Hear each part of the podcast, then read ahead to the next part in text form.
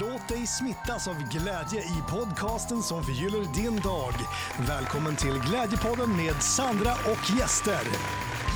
Ja, vill du välkomna Annika? Eh, nej, jag tänkte att du skulle få göra det. Eftersom det är din podd. Ganska Jo, men jag tänker eftersom att du nu är här hela tiden så känns det som att... Ja, att jag, jag är en stammis. Så att jag måste börja göra rätt för mig. Jag tycker att du är väldigt bra på att göra en, en, en eh, välkomsthälsning till lyssnarna. Ja, vi säger välkommen och vad roligt att du är med i Glädjepodden idag. Och eh, Annika är med idag igen. Om du har lyssnat på den här podden tidigare så är det väl typ tredje veckan i rad som du är med nu och har varit med flera gånger förut också. Vi har som, jag vet inte, vi pratar så mycket så att vi kommer på oss och så bara, ja men, och så blir det som att vi spelar in och så, ja. Det har alltså blivit så nu. Men om vi lite kort bara berättar eh, vad, vem du är. Om det är någon som inte känner dig. Mm. Eh, ja, jag heter ju Annika. Jag bor ute i en liten by som heter Vemfors. Och eh, ja, du tänker kanske på vad jag gör för någonting? Jag vet inte. Nej. Vem är jag? Vad gör jag? Och vart Ja. är jag på väg? Det är ju en fråga man ställer sig varje dag. Men det jag gör det är att jag har ju en, en liten, liten eh, vagn på min gård där människor kommer och får vägledning och healing och sådana saker som man undrar över i livet. Så kan man komma till mig och få massager och ja, Eller ringa dig. eller ringa mig Kan kan man man också också göra. göra. Mm. Ja. Och är det någon som känner att ni får feeling för Annika så kontakta mig i så fall. Eh, Glädjefabrikens kontaktuppgifter finns i poddbeskrivningen. Mm. Och eh, än så länge, för att du är ju en sån här, alltså jag har ju sagt det här förut, men det är som att folk bara hittar till dig. Du ska väl bli lite, börja använda din Instagram lite grann snart. Alltså jag säger ju det, att Ja. jag ska göra det. Och hur går det? Det går inte så bra. Nej. Men det är väl, ja, jag ska väl bli så här modern och börja med det. Du får hjälpa mig Sandra, du kan ju sånt. Mm. Sociala ja, men medier. Vi lägger din eh, på, eh, vad heter Instagram också i poddbeskrivningen så kan folk kolla in den. Men Annika, om vi ska kolla in dig nu, din lyckonivå eller vad man ska säga just för dagen. Eller om vi säger så här. Vars du är i ditt humör om du skulle vara en färg. Ja, eh, alltså jag vill ju ändå säga beige. Mm. Och då låter det kanske som att jag Det skulle låter vara... lite beige. Ja, men det låter lite beige och lite tråkigt. Men det känns lugnt. Mm. Och ehm, jag tänkte på det, jag gillar att vara lite beige. Nu, jag går ju varje morgon i skogen. Och då är det bra att vara lite beige och smälta in för då får jag se så vansinnigt mycket, eller ja men mycket djur. Mm. Jag älskar det, jag tycker det är magiskt. Mm. Att liksom inte sticka ut så mycket så att jag får uppleva mer. Ja, precis. Idag såg jag ju en rovfågel Ja. också.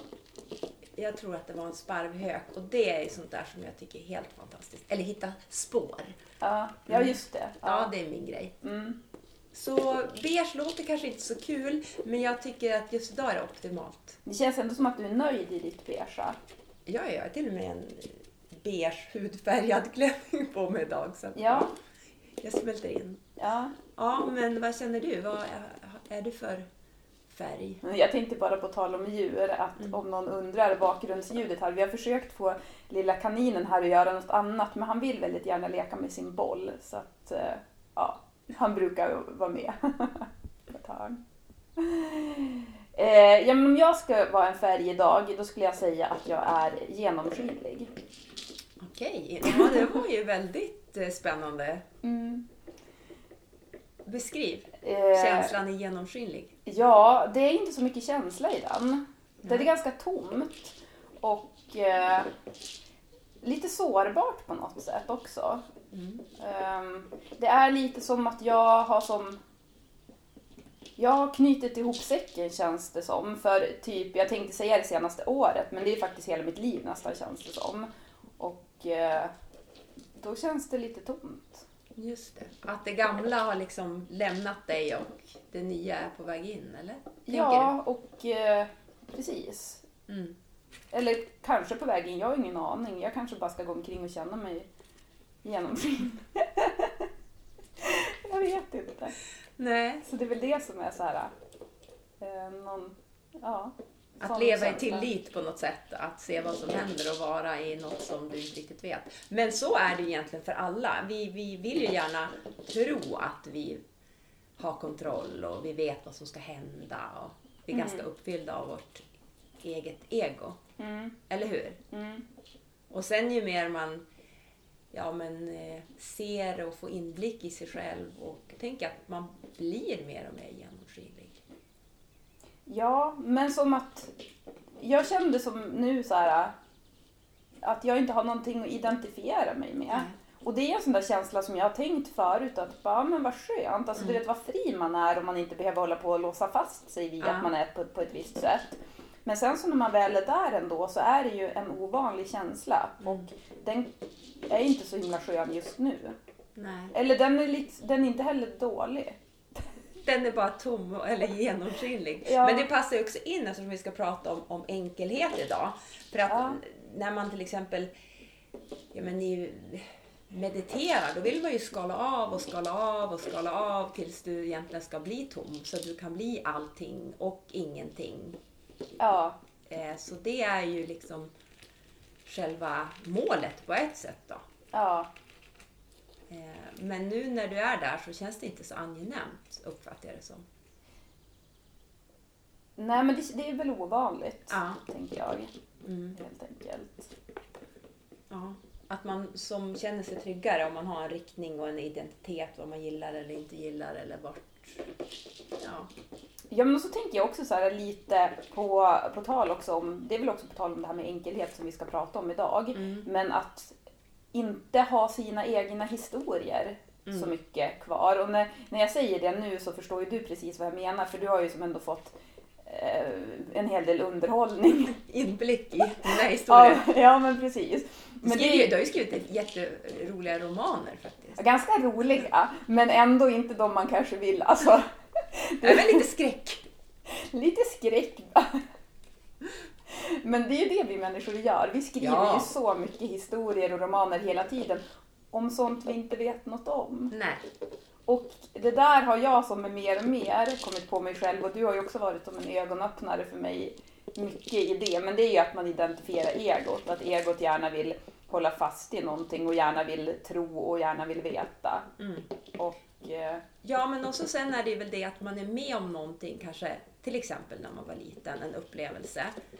Eh, och sen så i den, har den satt kanske ganska djupa spår igen så att man lever kvar i något som hände för så himla länge sedan. mm, Att, och det är ju för att vi inte vet hur vi ska kunna bara släppa taget. För vi kan inte leva genom vår historia i resten av vårt liv för då får vi ju ett, eh, ett lidande mm, i resten av vårt liv. Liksom. mm, Vilket är, ja, det är ju helt omedvetet att vi gör så. mm, Men när man börjar genomskåda sig själv och de här historierna som man hittar på som någon slags verklighet. Eh, ja, då blir det ju så att man blir kanske lite mer tom. Det låter ju negativt. Tomhet. Jo men för de där historierna de är ju ofta baserade på ens tidigare jobbiga upplevelser. Ja, rädsla. eftersom, Mm. ja, eftersom att då ska man skydda sig från det. Och sen Mm. så blir det som då, vi har ju pratat om det här med försvarslöshet också. Och det är väl lite så jag känner nu, att jag känner mig genomskinlig. Att jag känner mig lite försvarslös på ett sätt. För att det känns som att jag kan inte, det är nästan som att det inte riktigt går för mig att hitta på de här historierna Nej. på samma sätt. Men också då har du ju ingenting, om man känner sig försvarslös, det är för att du har ingenting att försvara. Och det är ju Nej. väldigt, väldigt skönt. För bygger man upp en stark identitet, Mm. oavsett vad det är. Eh, ja, men jag tycker om det här, den här sortens mat eller jag jobbar med det här yrket. Då har man ju så mycket att försvara Mm, för att upprätthålla den man är. mm, Eh, och man kanske också blir provocerad om någon ifrågasätter det därför att man har byggt upp så mycket kring sig själv. Mm. Eh, Så att jag tänker att att vara genomskinlig är nog... Eh, ja, men jag tycker att det känns fint att vara genomskinlig. Inte liksom, om man tänker då att någon, någon företagsledare som liksom kan och vet och tar över ett helt rum och sådär. Ja, det kanske kan kännas liksom härligt men det är ju väldigt bestämt och kontrollerat. Mm. Och inte så fri, ger ju inte så många andra människor frihet att kanske vara sig själv. Det är lätt att bli osäker också kring en sån person. Mm. Eller kanske tvärtom säker för att man tycker att det är någon som styr skutan åt en. Ja men lite är det ju så här att vi vill ju gärna veta saker och då vill vi ju gärna att en person ska stå och tala om sanningar för oss oavsett om det är sant eller inte. Så det blir vi också på något sätt, är det som att vi blir trygga av det. Och sen att börja lämna de här grejerna, det som är sanningar och det kan ju också vara jag menar, att man baserar sitt eget liv på sanningar som inte är sanna för att det har kopplat till gammal rädsla till exempel. Och när man lämnar det, att det är ju ändå, det kan ju superjobbigt. Nu är jag ju, jag har ju redan lämnat känns det som, så att jag har redan gått igenom allt det där jobbiga. Men de processerna som har varit jobbiga, de är ju obeskrivligt jobbiga för att man vill ändå ha någonting att hålla kvar i och vara trygg i. Ja. Eh, Så att det är ju som, eh, ja men lite om man drar den här, eh, jag tänker att många kan säkert så här, förstå den här om man refererar till en misshandlad kvinna, att det är lätt ändå att vara kvar hos sin man för det är som en trygghet. Ja. Och jag tror att det är så för oss flesta människor, att det är ändå så himla lätt att vara kvar i det där gamla. Även om det är ens egna eh, dåliga så här, självskadebeteende. För man är inte ens medveten om det. Och så sen när man Absolut. börjar bli medveten om det, då är det ändå som att ja, men det är ändå tryggt. Ja. För att man är van vid det. Ja. Och ofta så har man ju haft det kanske sedan barnsben också. Eh, och det kan ju vara, för en annan person så är det väldigt tydligt, men det är ju väldigt svårt att se sig själv. Det är ju alltid lättare att se någon annan än se sig själv. Ja. ja. Men om man då börjar förstå att jag ser mig själv genom andra, då kan det bli lättare. Men hur me- hur- förklara då hur du menar med att se sig själv genom andra. Mm. Ja, men om till exempel jag nu skulle bli väldigt provocerad av någonting som du säger. Mm. Eh, då har det ju förmodligen någonting med mig att göra. Alltså varför, vad är det som gör att, att eh, jag blir provocerad? Att bara ställa sig den frågan. Mm. För mest troligt så är det någonting som jag inte själv vet om. Mm. Eh, som gör att jag liksom häller nästan lite tändvätska på mig så det kommer till liv och så blir man upprörd. För att försvara någonting i sig själv. Jag tänker att jag tackar nästan varenda människa jag ser för det är de är ändå läromästare, att man ser sig själv genom andra. Jag vet inte om jag kan förklara det där så himla bra. Alltså jag kan ändå relatera jättemycket till det där. För att alltså, under det här senaste året så har det som verkligen varit så här, då var det som att jag har, jag har som knutit ihop säcken under hela året och det har varit så här saker som har varit väldigt upp och nervänt eller vad man ska säga. Men under den här perioden så har jag träffat personer som jag också kanske har sett upp lite till och som jag tänkt kan hjälpa mig och sådär. Men sen så har jag som ändå upptäckt att jag har fått nästan blivit slagen i ansiktet för att jag har Ehm, jag har, jag, har alltså det är som att jag har behövt gå in i min egen kraft och inte ge bort den eller söka Nej. den någonstans utanför mig själv. Och då har det blivit som att genom de här flera, fler, Ja. flertal personer så har jag som fått då bara så här. Det har varit jättejobbiga upplevelser. Men du har också hittat din egen kraft. Ja, för då har jag sett att bara, men vänta, den där personen kan inte hjälpa mig, den förstår inte mig, den kanske till och med ja, men, lite ska hjälpa på ett sätt så att det blir nästan som att, men lilla du, typ så. Ja, att och, mäs- se- att och, då, mästra. Ja. ja, och då ser ju inte den personen mig och min kraft. Nej. Men där är ju du den personen som har alltså, hela tiden sett mig för den jag är. Och det är ju det finaste man kan göra hos en, alltså, för en annan person, att se den i kraft. Den Ja, alltså jag, det glädjer mig för det är ju inget som gör mig så glad att, om människor, att du upplever det då. Ja. För det jag tänker att det är vår uppgift att se varandras eh, Ja men se varandra genom kärlek egentligen. Bara kärlek. Mm. Och försöka liksom att eh, inte, alltså, och det här handlar ju om också att jobba med sig själv. Att leva så mycket kärleksfullt som möjligt. Att se igenom sina rädslor och tycka att jag har dem, det är helt okej, men att jag inte liksom livnär mig på dem. Ja, för det är helt otroligt, ska jag säga. Alltså jag kan tycka att jag har sett mitt ego under en väldigt lång tid. Men det är helt otroligt hur mycket egot gör för att försöka få en att inte vara i hjärtat. Jo, Helt, det, det, alltså det kan lura en på till och med sätt så den förklä, egot förklär sig till kärlek och bara ja men det här är ju menat, det här Ja. är ju tecken, det här är ju det, det, det. Jo, Alltså det är helt... alltså man flyr Ja. ja, man, mm, från nej. sig själv genom att titta på lite historier och att rädslan kommer in och liksom lurar lite bak i, i någon bakväg där in, igen. Men, men där, alltså vi ska ju prata om enkelhet idag. Och tänka att ju enklare jag lever, ju enklare jag tänker och eh, så blir det också lättare att inte trassla in sig så mycket. Tänk att Eh, att sortera ut vad jag tänker, vad jag känner, att inte trassla in sig i människor, att ha lugna stunder för sig själv, att inte låta sig påverkas för mycket. Sorry gubben. Nu tog jag bollen.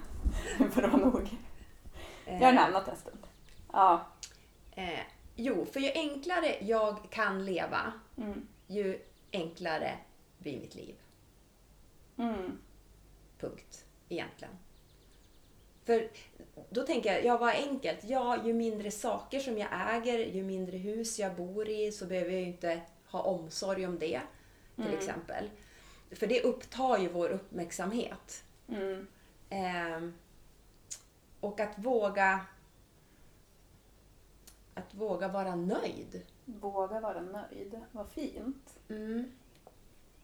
Det tänker jag är mycket det där också att vi, vi skulle kunna leva väldigt enkelt men vågar vi det egentligen? Vad är det som skulle vara läskigt med att leva enkelt? Ja, jag tänker att vi lever i en tid och kanske alltid har gjort det där man jämför sig med andra människor. Mm.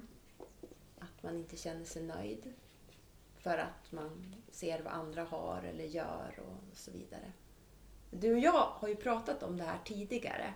Mm. Att vi blir väldigt trygga av enkelhet. Ja, vi hade ju Och fula saker. Ja, eller inte så här fula saker kanske. Men alltså om man är på ett ställe och det är typ en så gammal skolsal med så trästolar och ja, men, vanliga kaffekoppar. Att det är lite så här, ja men det är som enkelt. Att det behöver inte vara så märkvärdigt och fancy och sådär. För nu är det som att typ Ja men det ska vara så fancy hela tiden. Överallt. Och så det, jag vet inte varför men det är som att det är någon trygghet i det där då.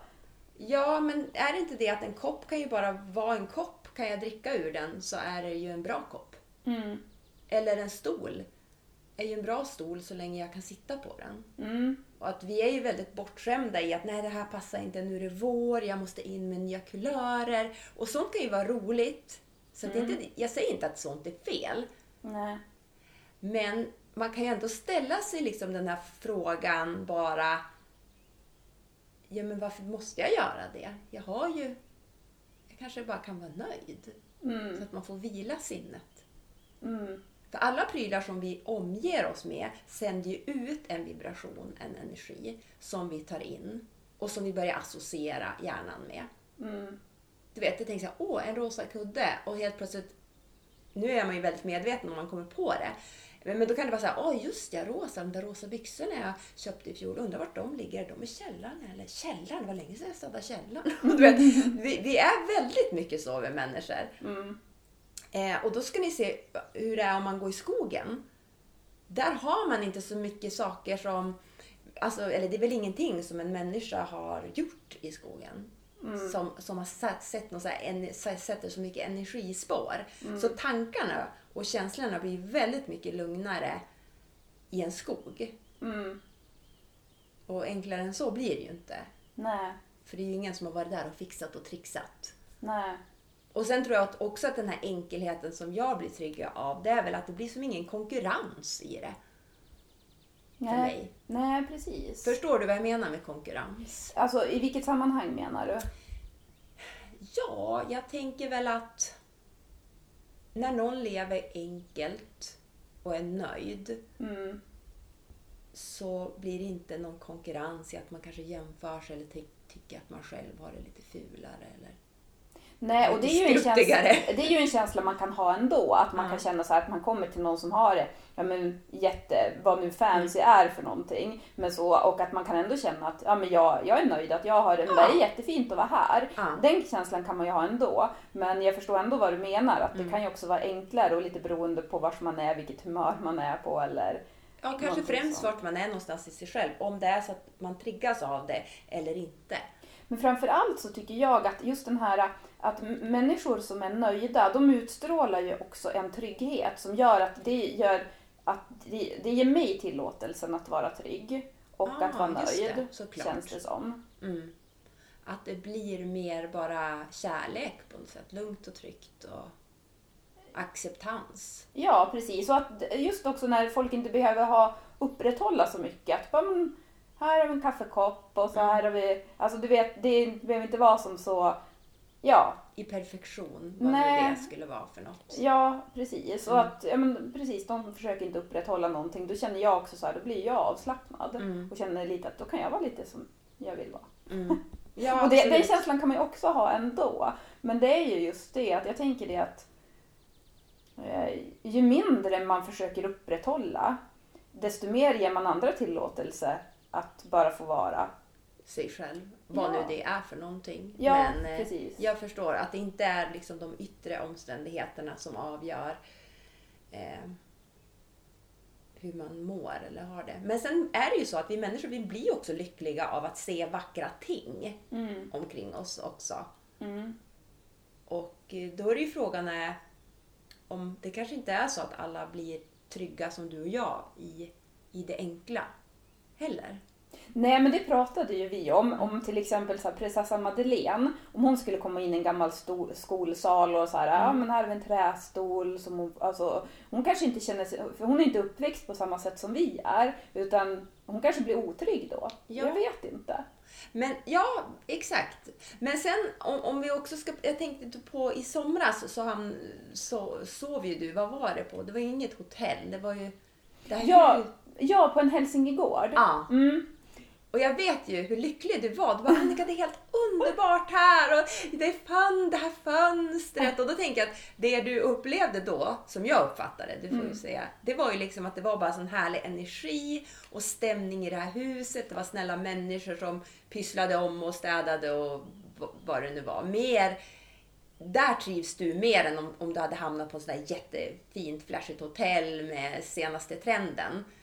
Jo, för vet Att det, är, att det är din känsla liksom av att så här, åh vad mysigt det här. Mm. För grejen var att det som var då i mitt rum, det var som en liten enkelsäng och så var det som ett litet skrivbord och ja, men, eh, ett litet fönster som var öppet när jag kom dit som stod Ah. på glänt sådär. Men det var som så fint ändå. De hade så här bäddat jättefint, ställt fram lite blommor på skrivbordet och det var, alltså, det var så otroligt som så här, det var Omsorg. omsorg och så mycket energi ändå i det där. Och så var det jättefin energi på den där gården. Mm. Så ja, det var jättefint. Ja. Så jag tänker att det handlar ju väldigt mycket om någon slags feng shui. Att energin är fri och att det finns så mycket kärlek. Att det handlar ju, det är det det hela handlar om. Att vara trygg och lugn. Men på tal om trygghet, vet du vad som hände på den här gården? Att det var ju så här, man, det var ju gemensam toalett och dusch. Mm. Och sen så var det inget lås på dörrarna, alltså ens eh, sovrumsdörr. Och på tal om trygghet, det är ändå ganska fint på något Ja. sätt att det är så här. Men då hade i alla fall jag varit på toaletten på kvällen och så Alltså det här är så pinsamt för jag har inget lokalsinne. Alltså det är så här jätte, jätte, jätte, jätte dåligt lokalsinne. Så då, då skulle jag gå ner för trappen men då råkade jag så här, ja men gå och öppna en dörr till ett rum istället för jag trodde att det var som där man skulle gå ner för trappen. Och så, satt, och så satt en kvinna där, ja men så här, helt naken, ö- alltså, eh, ja men Nej, men, med brösten och alltså hon hade ju någon byxor på sig men på sin säng och jag bara men förlåt! Vad sa hon? Nej men jag, hon hann nog inte säga så mycket för jag stängde ganska Ja. snabbt sådär men hon såg lite förtvivlad ut först när jag öppnade. Ja. Ja, Men ändå, här, ja men det är också tryggt att man inte ska behöva låsa då, tänker man. Men ja men precis hon hade ju för sig behövt låsa med tanke på mig då.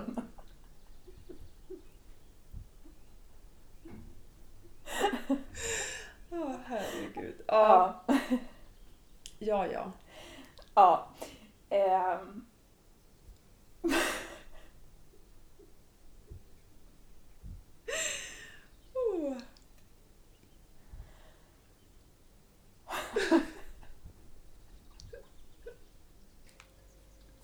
Hur går vi vidare då? Mm.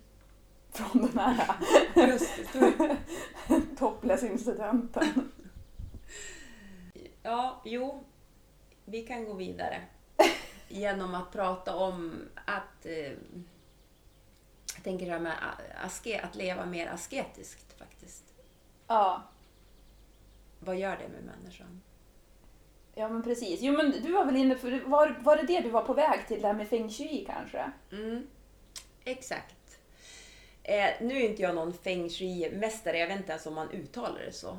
Men eh, att inom de flesta religioner eller filosofier så handlar det ju om att leva enkelt, att inte äga så mycket saker och eh, för att komma närmare, ja, om man nu är Buddha eller Gud eller någon livsenergi Mm.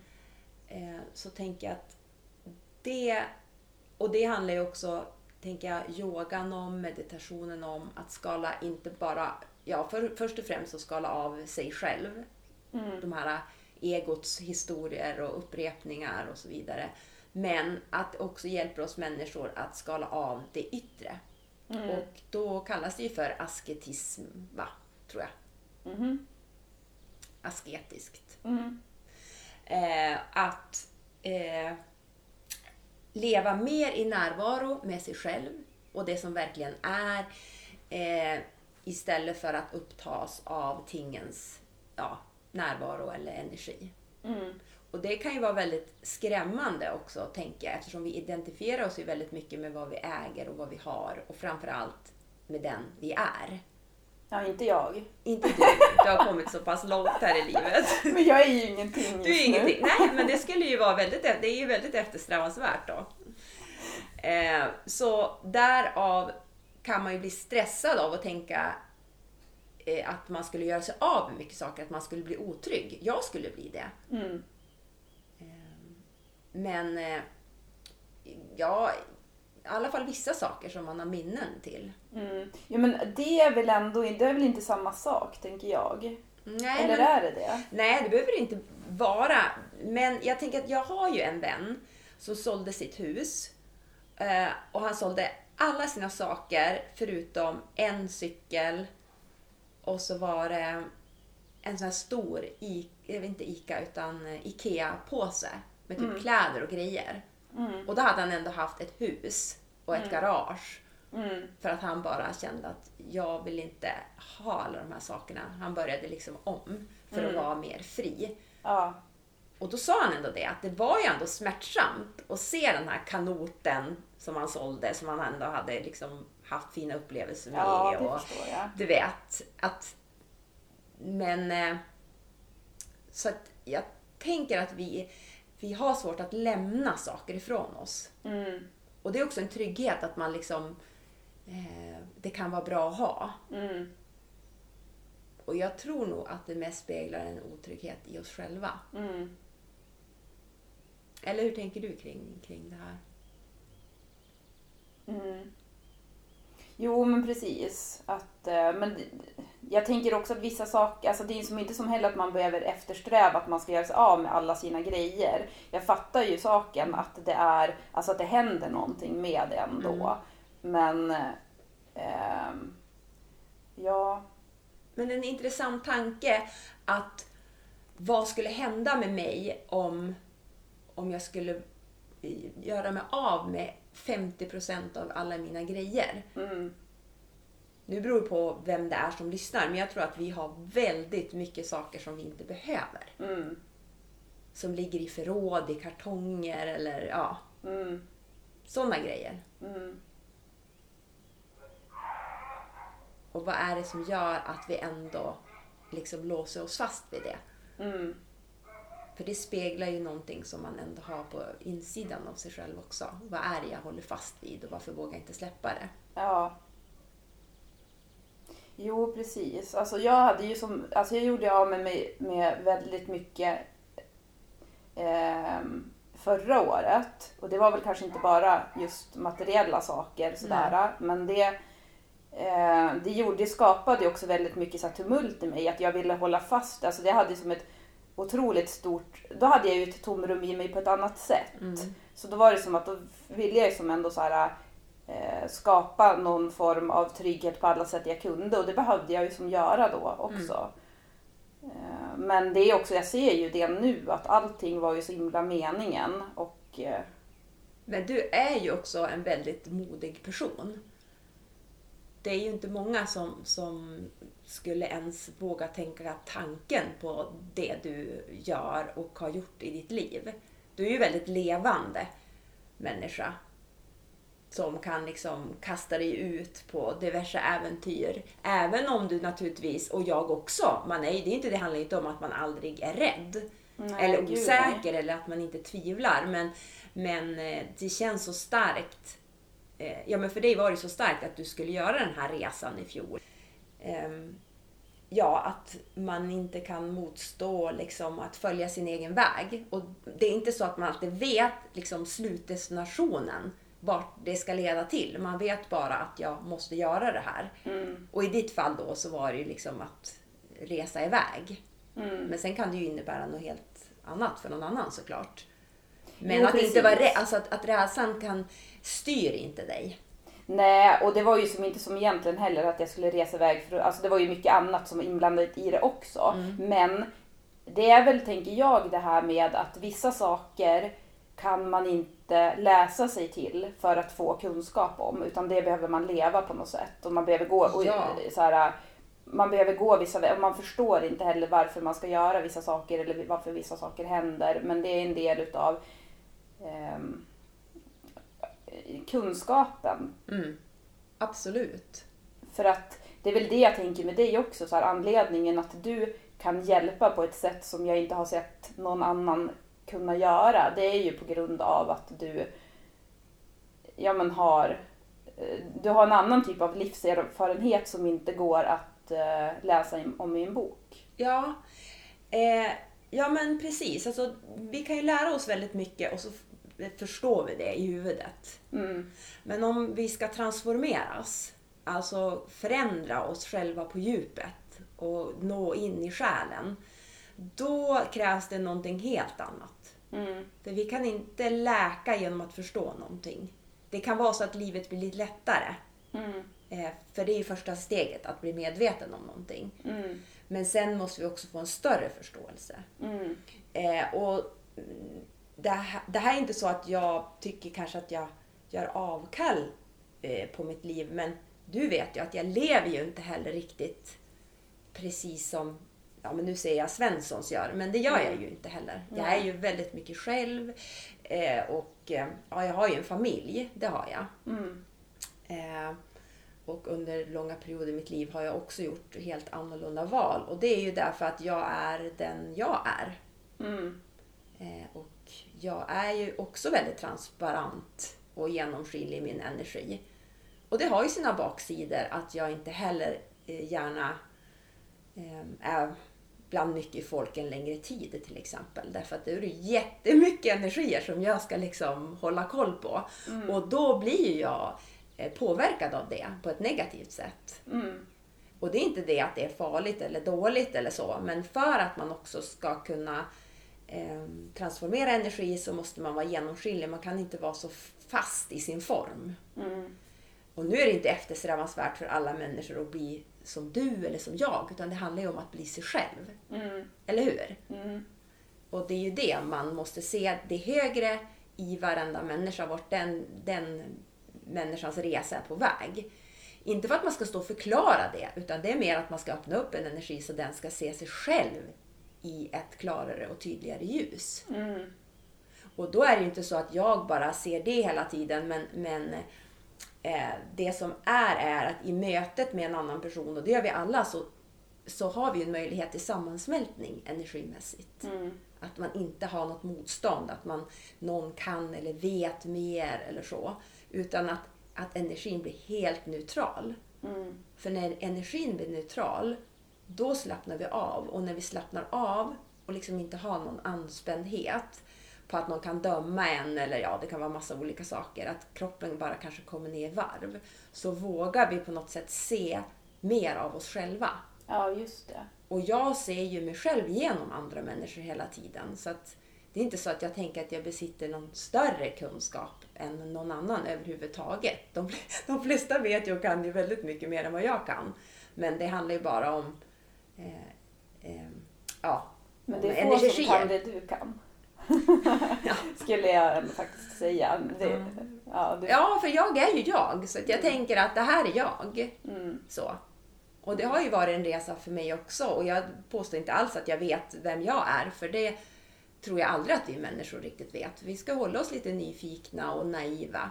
För det är också på det sättet, apropå det att du känner dig genomskinlig. Det är då vi kan lyssna till våran intuition. Då måste man vara lite naiv och genomskinlig och i sårbarhet. För det är ju, det, det kanske för vissa nu låter som att det skulle vara, oh det låter ju eh, liksom inget kul. Men det är ju en enorm kraft.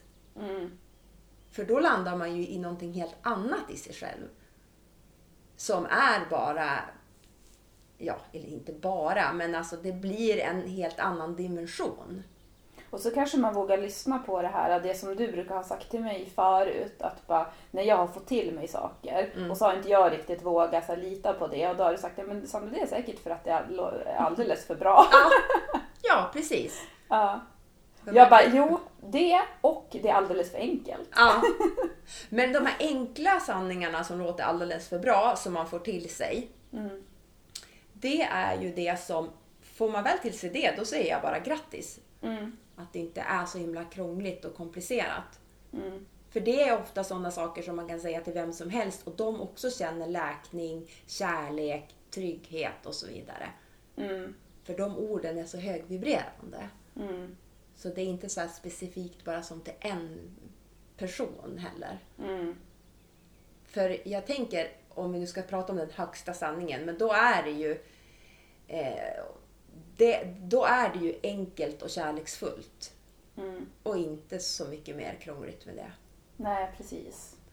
Eh, Och sen så, så länge man är en människa så lever i dualitet. Så det är inte så att man alltid kommer att gå, att man ska eftersträva. Man ska ju egentligen aldrig eftersträva någonting överhuvudtaget. För bara strävan i sig gör ju ett motstånd. Mm. Det är lite klurigt. Men, så att det är inte så att man ska gå omkring, ja nu ska jag inte vara rädd och jag ska, du, du, du, jag ska bara vara glad. Utan man är ju som man är. Mm. Det är ju det. Är ju det. Det är ju det finaste när man kan vara i acceptansen. Mm. Och ibland inte vara i acceptansen. Mm. Helt enkelt. Mm, Och då är det ju jättehärligt att man har människor omkring sig, eller djur. Det funkar ju alldeles utmärkt också. Du har ju lilla Drake här. Mm. Eh, som kan acceptera. Att man inte kan acceptera, till Mm. exempel. Mm. För det behöver man inte gå omkring och göra heller. Jo, för det har ju vi också pratat om det här med att man ska optimera sig hela Mm. tiden. Att det är så mycket sådär, man ska bli sin 2.0-version. Men det handlar väl egentligen bara om, alltså man får väl vara precis som man vill. Men jag tänker att om man vill, om man vill, just att man bara kan få känna att man bara får vara, man får, man får bara vara och Mm. att man inte behöver leva så mycket ur sina rädslor. För det tror jag ändå att de flesta vill. De Mm. flesta vill nog ta sig ifrån rädslan. Än om man kanske inte tror att man vill det. För det ligger som ändå en kraft i rädslan. Ja, eller hur? Det gör det ju. Och kan också vara... Alltså rädslan kan ju ha gjort att man har byggt upp ett ego som gör att man har kanske en specialkunskap som gör att man kan och vet, alltså man har en intelligens på något sätt, så man kan och vet bättre än andra. Så att man kan liksom vara trygg i det. Mm. Och stärka egot hela tiden. Och så blandar man ihop det med att vara trygg. Mm. Men egentligen är det så att ju mer du kan och vet, ju ödmjukare kan du ju också vara. Mm. Men eh, ja, jag rekommenderar ju alltid meditation. För jag tänker det är det absolut enklaste, billigaste och kanske också svåraste Mm. sättet. Men eh, jag lovar er alla som lyssnar, sitt fem minuter tyst. Ja, nu vill jag ju säga varje dag, men börja bara en gång i veckan Mm. och sen några dagar och öka på sakta men säkert. Så finns det där. Det är inte klurigare än så. Nej, och våga också lita på när det kommer till en saker. Mm. Ja, Att det finns ibland så kan det rassla ner grejer, sånt som är från ett högre medvetande. Mm. Och att våga tro på det, än om det låter väldigt bra och väldigt enkelt. Ja, ja, ja. Det ja. kanske är just det som är grejen. Och sen också det här med tillåtande att vara som man är. Att inte ta sig ur när det är jättejobbigt. Så, så får det också vara. Mm. Ehm, eller en stund i alla fall. Men det är ju de här mellanrummen, jag vet jag nämnde på podden förut, att när man inte helt 100% identifierar sig med sina känslor och tankar, det är då det börjar hända grejer. Mm, just det.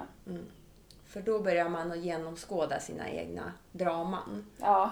Och andras också, utan att man Ja. liksom behöver vara, säga åt dem saker och ting. Och det är jättefint för då kan man också bemöta andra människor med en annan ödmjukhet när man kan se att den också är rädsla och jag bara inte utgår från min egen rädsla Ja, och har mitt skydd uppe. nej.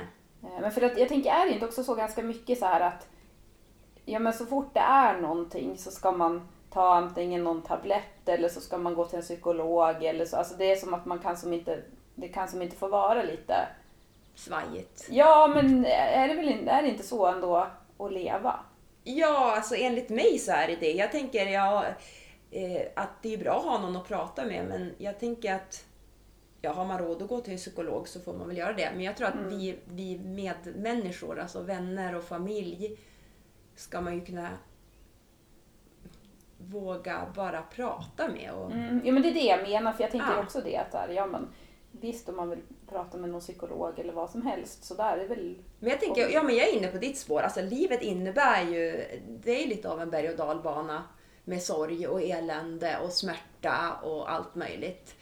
Eh, och det finns väl ingen som har levt lycklig i alla sina dagar. Jag vet inte, någon, inte jag vet inte någon i alla fall. Ja, nej inte än kanske i alla fall. Och sen tänker jag att det är ju många också, och att man kanske tänker att ja, men om jag bara ändrar det yttre så kanske mitt inre mår bättre. Mm. Och det kan jag hålla med om. Alltså, om man tränar och blir lite starkare och så eh, i sin kropp så får man ju mer energi. Man kanske är ute i luften och promenerar och sådär. Så att det yttre och inre har ju ihop. Det gör det ju. Mm. Men eh, där är ju frågan om man blir lyckligare om man gör ett skönhetsingrepp. Jag har ju inte gjort något så jag vet ju inte. Jag har inte svaret på den frågan. Nej, men jag tänker som att ändå ganska skön känsla att bara kunna känna att man duger som man är. Mm.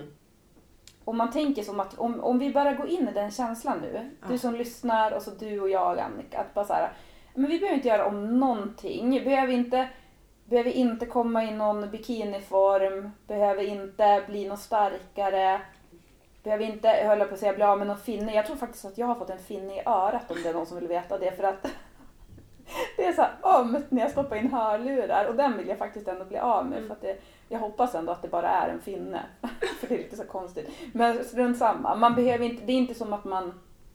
Ni fattar, alltså vad skönt ändå att bara kunna känna så här att Ja, här är, här är jag och jag är rädd för det här och det här är jag inte så inte... Ja, man behöver inte bevisa så mycket för någon eller man bara är som man är. För då blir man ju också trygg att möta sådana människor som att men Mm. så här är jag. Och, ja. Och så där är du och... Ja. Om man inte har någon aning om saker och ting. Jag, tycker, jag, tycker, jag älskar ju att säga så. Jag har ingen aning. Brukar jag säga ganska ofta. Och det kanske är för att jag inte har så stor aning. Men eh, det är också ganska skönt att säga. Mm, Jaha, tycker du det? Vad intressant. mm, För att i alla fall i skolan, på den tiden jag gick i skolan, det är väl hundra år sedan snart, men då skulle man ju som lära sig så mycket åsikter och veta och kunna och ja. Och Ja. det är väl intressant och det är klart att man ska kunna lära sig saker i skolan, det förstår väl alla. Men eh, det är väldigt skönt att inte ha någon åsikt och vara ganska neutral också. mm. Ja, verkligen. Och bara lyssna in på något sätt. Mm, Jaha, tycker du det? Intressant. Liksom. mm. Men vad skulle du, jag tänker det här med att eh, jag tror att vi har eh, det här att vi inte riktigt kan acceptera oss själva. Ibland så kan ju det, tänker jag, bero på att vi tror att vi behöver duga för någon annan och sådär. Mm. Jag tänker så här, vad skulle du säga? För jag tror att vi duger mycket mer i andras ögon än vad vi själva tror. Men om man tar som bara ett exempel så här. Om vi säger att din man Oscar skulle komma hem och så bara Du Annika, jag tänkte att jag skulle fixa kindbenen lite. Eller så här, jag skulle, tänkte ta här, testa det här äh, botox eller jag skulle fixa mina magrutor. Vad, alltså vad... Om han skulle se det. Ja, det är ju så roligt. Bara det var ju jätteroligt. eftersom han, han är typ, ja, om han skulle göra det då, då skulle jag tycka att det var jätteroligt. För det var, skulle vara så extremt oväntat.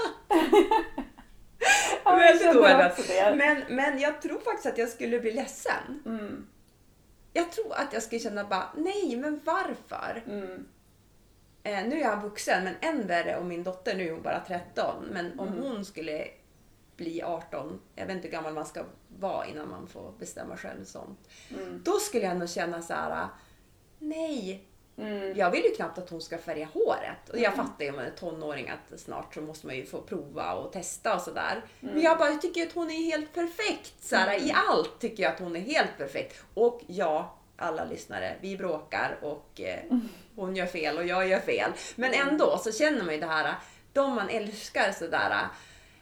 Man vill inte att de ska förändras någonting. Nej, och gud, jag, blir så här, jag börjar nästan gråta. Ja, Jag är nog inte helt tom ändå. du hade några känslor kvar. Ja men alltså för att jag känner som in det här så mycket. Att det här är som så här, det är det vi alla vill känna. För det men gud, det är ju det man känner för en annan person. Alltså Ja. så här, att man vill inte att den ska förändras eller så. Och ja men det är så jag vill bara att alla ska kunna känna i sig själv. Ja. Alltså det är så fint att höra dig säga det om, Mm. om dem. Ja. Jo men det är därför att så här, det, allt är redan som det ska vara. Mm. Allt är som det ska vara. Man kan liksom vila i det. Mm. Och då blir man nästan förskräckt när någon inte tycker det. Ja, Och då, verkligen. så kan jag också känna, alltså, jag har ju vänner som har opererat sig och det är, jag har ingen alltså, åsikt om det, för det är ju en fri vilja. Jag tycker inte att det är rätt eller fel. Men jag kan ju bara referera till hur det känns i mig. Så här, Nej! Du är som är så vacker. Du, du vet, det, det finns ju lite olika såna här, ja, det är bröst och det är fillers, ja, vad folk gör. Mm. Det gör faktiskt lite ont i mig då. Mm. Men sen så, så, så gör det dem gott, så, så Gud välsigne på något sätt. Så är det ju. Mm.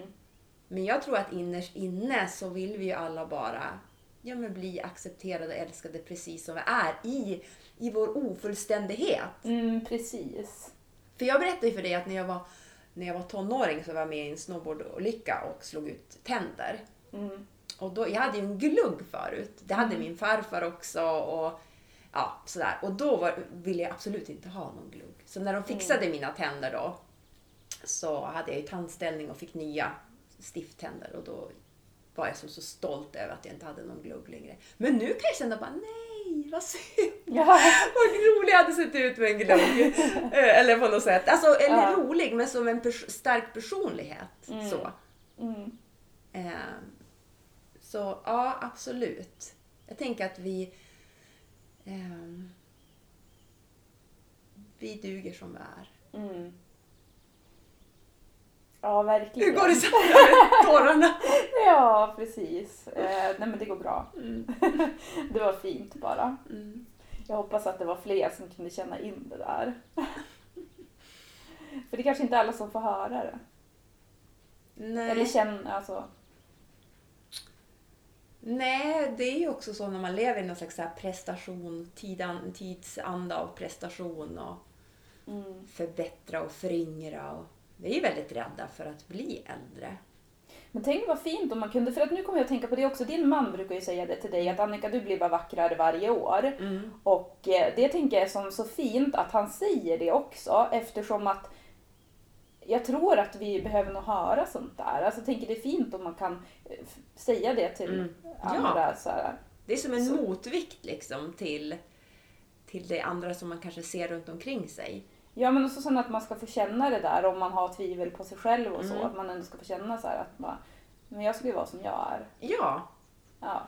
eh, jag vet ju att både du och jag, vi har ju varit i, ja vad är det, är det en liten stad, ett litet samhälle, Järna nedanför Stockholm. Mm. Och jag minns första gången jag var där, då, då tänkte jag, åh gud vad mycket vackra kvinnor jag såg. Och det tror jag att det var för att eh, många där var bara gråhåriga. Mm. Och ganska unga, alltså nu, nu menar jag ung, då säger jag kanske kring 40-45, alltså Mm. så. Eh, att det bara var som helt okej. Mm. Det är ganska löjligt. Nu, eller löjligt, jag vet inte, det kanske var fel uttryck. Men det är ju helt naturligt att håret blir grått. Mm. Och så gick de bara omkring där. Eller, ja, och då, då kände jag, blev väl jag trygg då i det. Mm. Eller att de har... De utstrålar någon självsäkerhet. Eller så här, Ja, i åldrandet tänker jag. Mm. Att så här är det att vara människa. Mm. Och frågan är vad det gör om man blir lite skrynklig och grå och eh, sladdrig. eh, vad är det vi... Alltså det är ganska intressant. Jag tänker efter, vad är det vi är rädda för då? Vad gör det egentligen? Jag vet inte.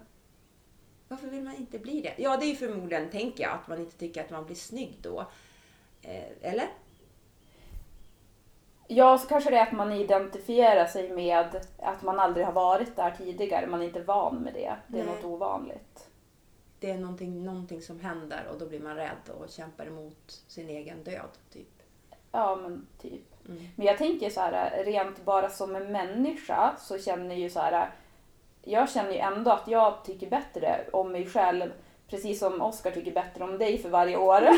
Eller, ja. Men alltså jag känner ju det att jag tycker mer och mer om mig själv ju mer tiden går. Mm. Och eh, jag tänker att så här, det gör man väl också så här i ju mer jag menar jag tycker ju mer om dig för alltså ju mer vi lär känna varandra också sådär att Ja, man gör väl det eh, tänker förhoppningsvis. jag.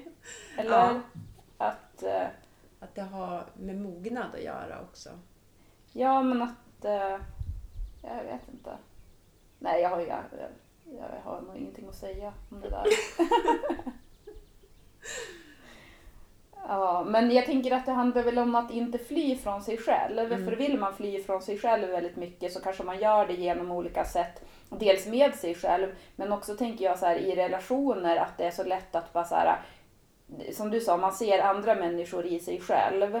Och att då så här, ehm, ja men nu så eh, kan inte jag se det där i mig själv, då flyr jag vidare. Precis. För så är det ju ganska mycket också nu så här, känns det som i eh, den här ensamvärlden vi lever i. Att det är så mycket förbrukningsmaterial på något sätt. Att Mm. Så här, ja men då tar jag en ny person och så tar jag en ny och så tar jag en ny och så till slut så hittar jag någon som jag blir glad med. Mm. Men det är väl kanske inte riktigt så det fungerar. Nej, alltså jag tänker ju mer kärlek som man har till sig själv, för det brukar ju börja där, men också förstå att det finns en ännu större kärlek i alla som har en helt annan dimension. Då blir man ju inte den som behöver kärlek och liksom byter ut någon direkt den inte passar. Nej, om, ja, utan då är man också den som bara vill ehm, att en annan människa ska bli trygg och älska sig själv. mm, Så att man känner att jag har så mycket kärlek som jag kan ge. Det är nästan viktigare än att jag ska få. mm. Jag Ja, vi var då- inne på det i något tidigare avsnitt. Och det är ju så här, då är man ju också så pass trygg att man hamnar inte i de här relationerna där man blir utnyttjad Nej. heller och inte får någonting tillbaka. Men ehm, jag tänkte bara så det är bra att flika in Ja, det. Absolut. Det är, Nej, det är en hårfin gräns där att man... För men- det är någonting helt annat. Mm. Om man känner att man blir utnyttjad eller att man inte mår bra, ja, nej, då vänder man ju om och går bara. Jo, för det, det ser man ju också då när man Mm. verkligen är... Eller om någon gör, alltså sätter igång någon slags osäkerhet i en, i en parrelation eller på ett jobb liksom, och skulle då ge en kommentar som man inte mår bra av. Om vi, nu, nu, om vi återgår till utseende till exempel. Mm, Eh, så att man, eh, man kanske kan bli triggad av det men det hör nog hemma hos den andra personen mer.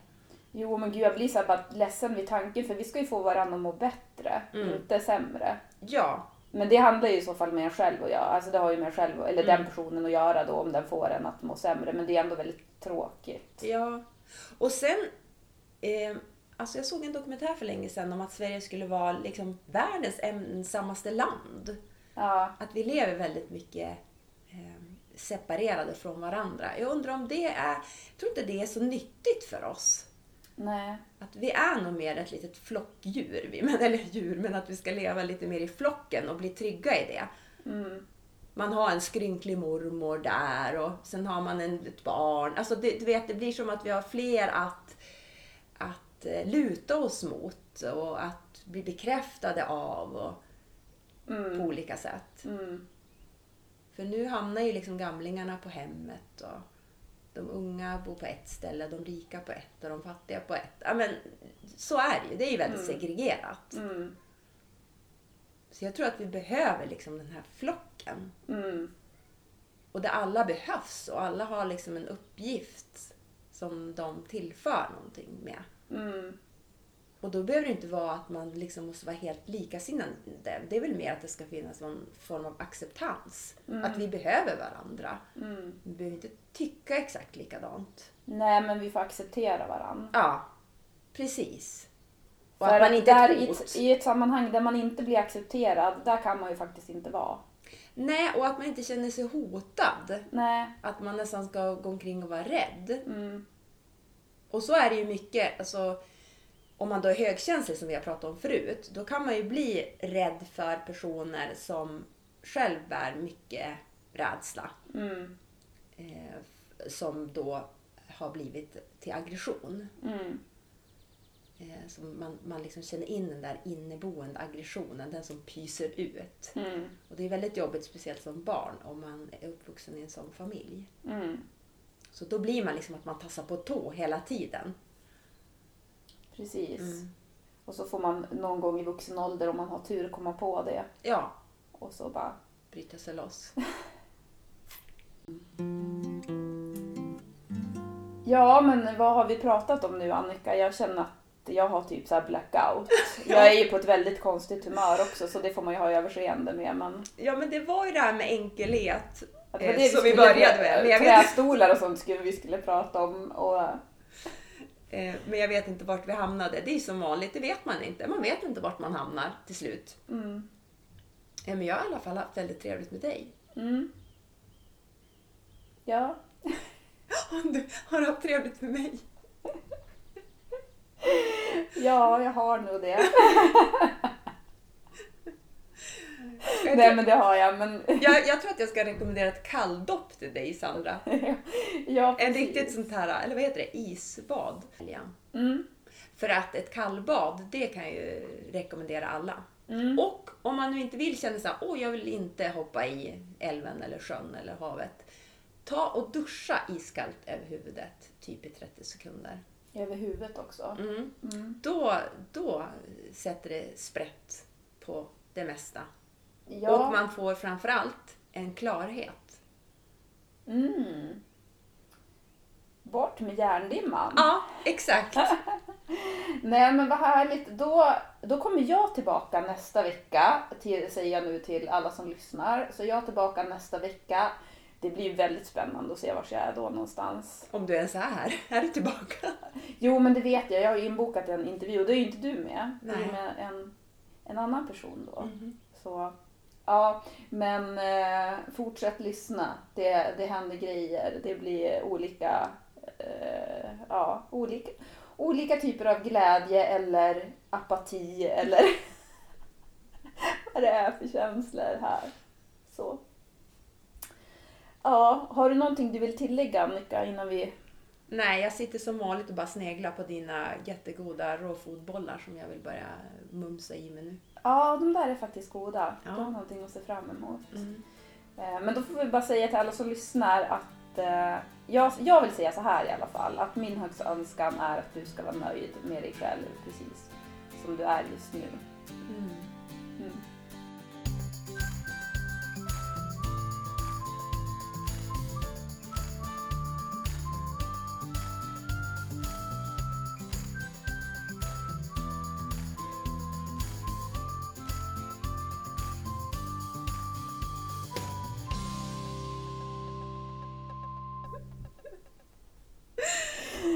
Jag kan så se hennes bröst framför mig. Ja, det är bra. Ett gott skratt förlänger livet. Ja,